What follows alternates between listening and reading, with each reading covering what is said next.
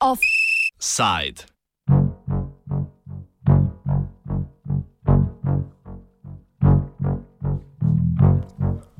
Na desni nič novega.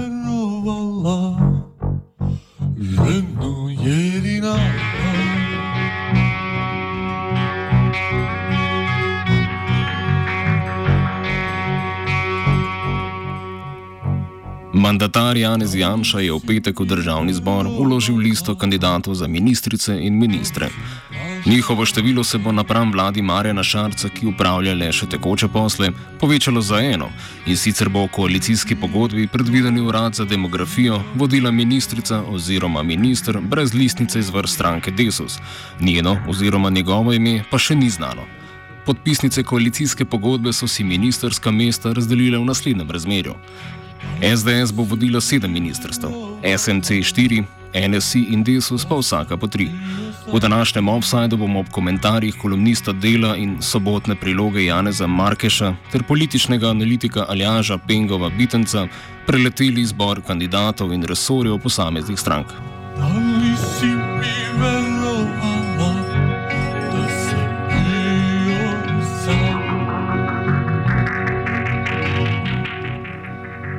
Na listi kandidatov je kar sedem imen, ki so ministerske položaje zasedali že v kateri od preteklih vlad, pri čemer so štirje že vodili resorje, za katere so predvideni v trenutni vladni konstelaciji.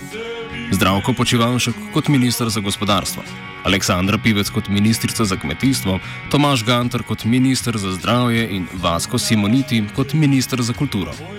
Iz kvote SDS so Aleš Hojs, Andrej Vizjak in Zvonko Černač, ki so predvideni kot ministri za notranje zadeve, okolje in prostor ter službe za kohezijo, v preteklosti namreč vodili druge resorje. Po Markeševem mnenju je glavno vlogo pri njihovi izbiri igrala predvsem lojalnost in predvidljivost, torej da ne bi delovali neusklajeno s predsednikom vlade, pri čemer je kompetentnost postranskega pomena. Gre za vlado, ki ni sestavljena po ključu kompetentnosti oziroma ni ciljana v to, da bi država dobila pač najboljše možne um, in kompetentne ministre, ampak je ciljena na sestavo vlade kot take. To je prva ugotovitev. Druga ugotovitev je pač ta, da, da gre za, po moji presoji, zmehen tveganja, pač rečem, naj, najslabšo uh, konstelacijo ministrstva vseh časov v Sloveniji, kar, kar, kar se sliši grozno, ni pa nujno, da bo to samo slabo. Ne? Uh, in tretja ugotovitev je, da gre za izrazito, no, se, ministrstvo so sama po sebi vedno politična kadrovanja, to samo po sebi ne bi smel biti problem, ampak gre v bistvu za sistem nagrad, ministr, se pravi, po, nagrad po položajih za ljudi, ki so bili strankam lojalni.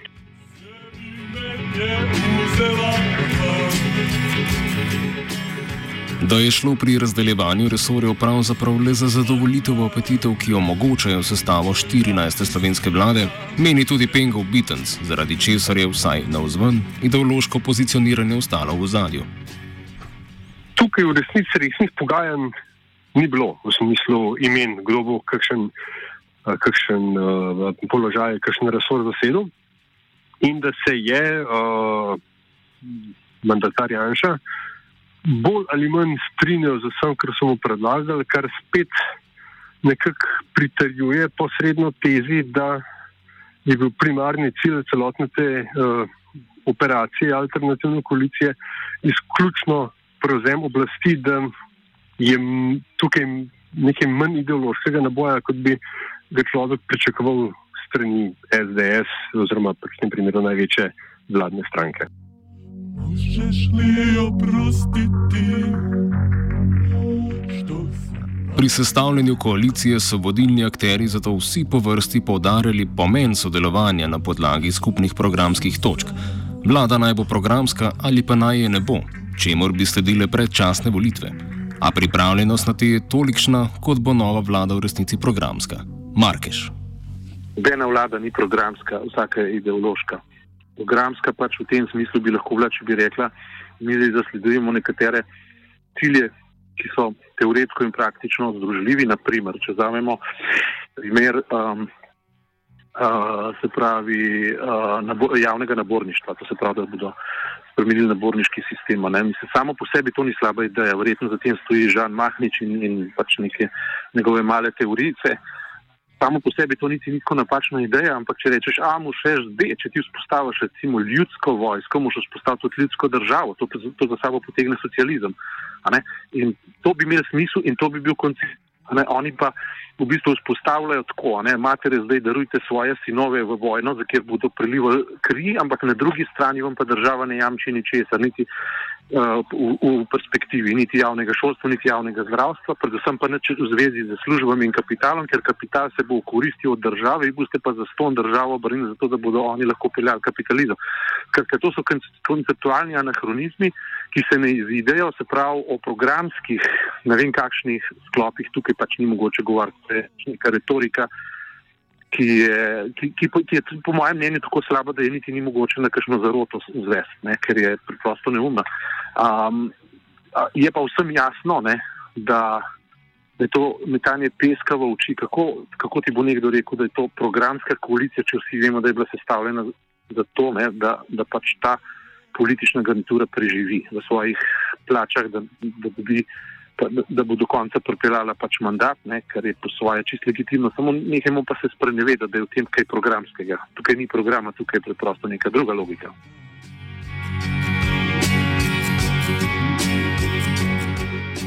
Janša je v podelitvi mandata v državnem zboru napovedal, da bodo glavno vodilo pri izboru ministerskih kandidatov izkušnje iz preteklih vlad in iz prvega predsedovanja Slovenije Evropskemu svetu. Že omenjeni, že videni kadri pa na mesto koraka naprej, prej ponujejo zasuk v obratni smeri. Ja, pri SDS je um, zadeva pravzaprav še najbolj problematična ravno zato, ker imamo s temi imeni in s temi slogi političnimi uh, to negativne izkušnje. To je v bistvu formula, za katero lahko ocenujemo celotno vlado, to je dominantna uh, pozicija te vlade. Uh, so ministri SDS in kažejo na neko vračanje in na, na odsotnost kakršne koli inovacije. Prav država tukaj ne bo naredila niti enega koraka naprej, v najboljšem primeru stagnira, v zelo verjetnem primeru bo pa nazadovala. In predvsem oči bodeta, predvsem zunanje pa notranje ministrstvo, ne, ki um, to, to je nekaj, kar bi nas lahko skrbelo, ne. vse ostalo je pa pač že videno.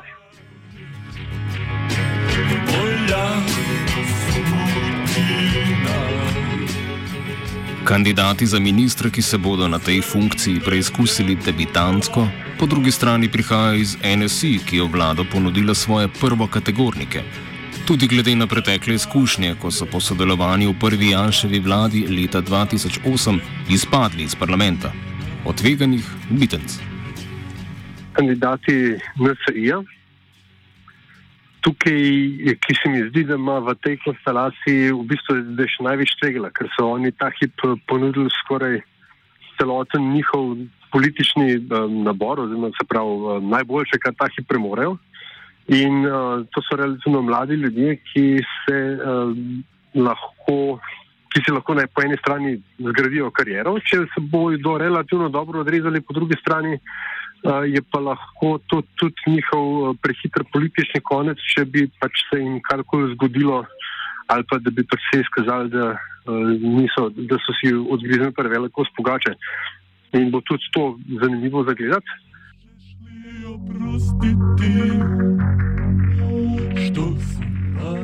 NSI, ki v slovenskem političnem prostoru izstopa po svojih odkritih neoliberalnih tendencah, bo prevzela Ministrstvo za delo, družino, socialne zadeve in enake možnosti. To naj bi bila logična poteza, ki sledi strankinemu programu, pa tudi deklarativni usmeritvi proti sredini, ki jo je NSI ubrala pod vodstvom Mateja Tonina. Tako, jaz bi bil začuden, če NSI ne bi vzela, zahtevala, dobila kakorkoli. Um, resorja za delo, družino, socialne zadeve. Ne glede na to, kakšna je ta njihova, kaj že, program moderne Slovenije, karkoli to, kar je s čimer je to ni opletal pred časom ne, in ta poskus premika v center, uh, družinska politika je ključen del. NSI-jeve platforme, kako koli obrnemo. Zdaj se z njim strinjamo ali ne, ampak jasno je, da je ta socialna komponenta, uh, tisto, pač en velik del njihove.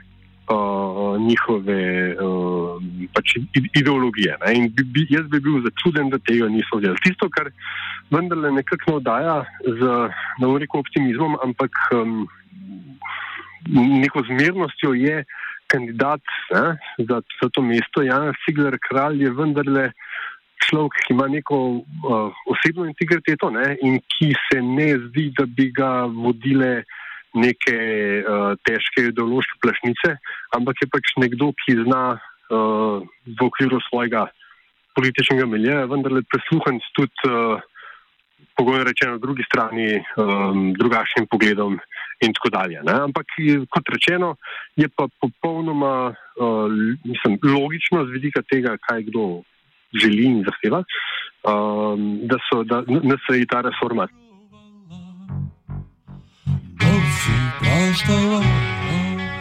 Nasprotno, Markeš NSI očita, da se je prodala pod ceno in tako, glede na apetite, ki jih je izpostavljala v času koalicijskih pogajanj, izpadla nenačelno.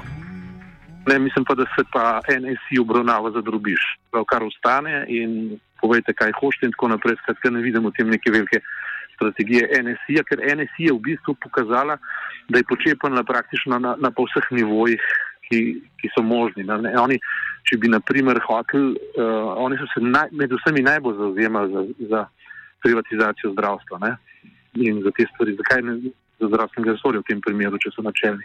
Naslednja stvar, zakaj niso zasedli pozicije predsednika državnega zbora, ki je zdaj zasedel Zorčič, če je to ni izrazito uh, jasno povedal, da bi si to želel biti, brez njih pa tako rekoč koalicije ne bi bilo. Skratka, NSI v tej koaliciji ni faktor in se bo po mojem mnenju politično usramotila ta stranka.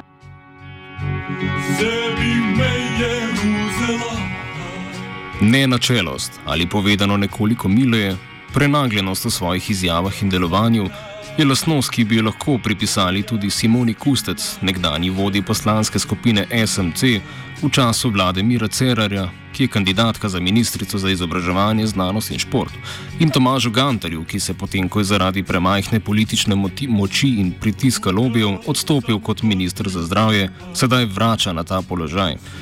Omenjena resorja bosta pod največjim pritiskom zasebnih inicijativ, ki se bodo predstavljale nasproti javnemu. Te dve, te dve politični osebnosti sta pravzaprav spet ponovitev pač neke logike, ki je manj nevarna, ampak ni pa ne nevarna. Ne? Recimo ta spoj uh, uh, Gantarjeve valence, kar se tiče zdravstva med javnim in pa zasebnim, je ravno, mislim, Janša je rekel, da ne, bo, da ne bo porušil javnega šolstva pa zdravstva, ampak bo sam naredil konkurenco in vzpostavil razmerje do zasebnega. Se nikjer po svetu, ne, civiliziranem svetu, javno zdravstvo ni zasebno, razno v Ameriki, ampak uh, se v tem je ravno vas problema, ne, ker zdaj imamo pač uh, koronavirus, epidemijo, kdo to dela, zasebno ali javno zdravstvo. Skratka, uh, Gantar je takrat, bolj, ker si poskušam proklicati, kaj je on naredil, ne morem jasno definirati, kaj je pa to, je zelo koketiral z nekaterimi koncesionarskimi umestnimi pravicami. Uh, nekaterih skupin, ki s tem profitirajo in na nek način krhajo javno zdravstvo. In to je pač treba upazovati. Ne? Pri Kustar Lipicer pa ravno tako, ne? ker se v bistvu ta neka neprosojnost v razmeru med javnim in zasebnim, med tistim, kar državni interes je in, in kar naj ne, ne bi bil, se nekako vzpostavi, se pravi, ni več uh, transparentnih odnosov, ampak mislim, da oni dva nista glavni problem te vlade, saj na, prv, na prvi pogled. Kako bo delovala Janševa vlada, bo v veliki meri določila tudi predsedovanje Slovenije Evropskemu svetu leta 2021. Ob tem se postavlja tudi vprašanje vodenja zunanje politike do treh sosednjih držav, s katerimi ima Slovenija več odprtih vprašanj. To pomeni predvsem popolno instrumentalizacijo, zunanje, se pravi politične instrumentalizacije predsednika vlade, tako pa šibke točke pa poznamo. Odnos do Hrvaške, še v času, ko je sodeloval z Sanaderjem kot sedajni premije in, in uh, v bistvu demontaža že uh, sprejetih dogovorov v, v razmerju do um, Hrvaške meje oziroma zlasti zdaj arbitraže nas lahko skrbi preprosto na ravni, ko ne moramo zaupati, da novi predsednik ne bo šel uh, uh, podrl logiko uh, sodbe arbitražnega sodišča in šel v dvostranske pogajanja. To bi bilo tako rekoč uh, smrtne, zunanje politične naslednje.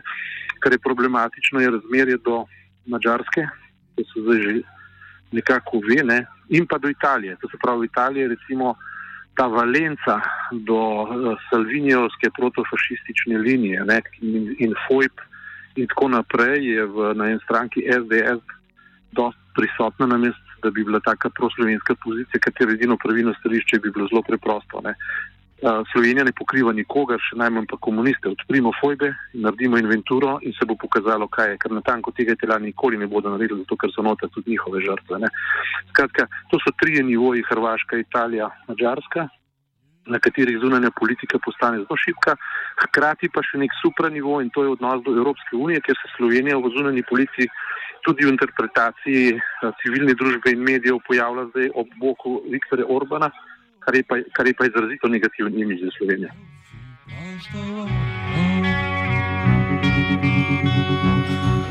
Od nove vlade torej ni najbolj realno pričakovati, da bo uspešna pri delovanju za blaginjo Slovenije, kot to veleva ime njihove koalicijske pogodbe.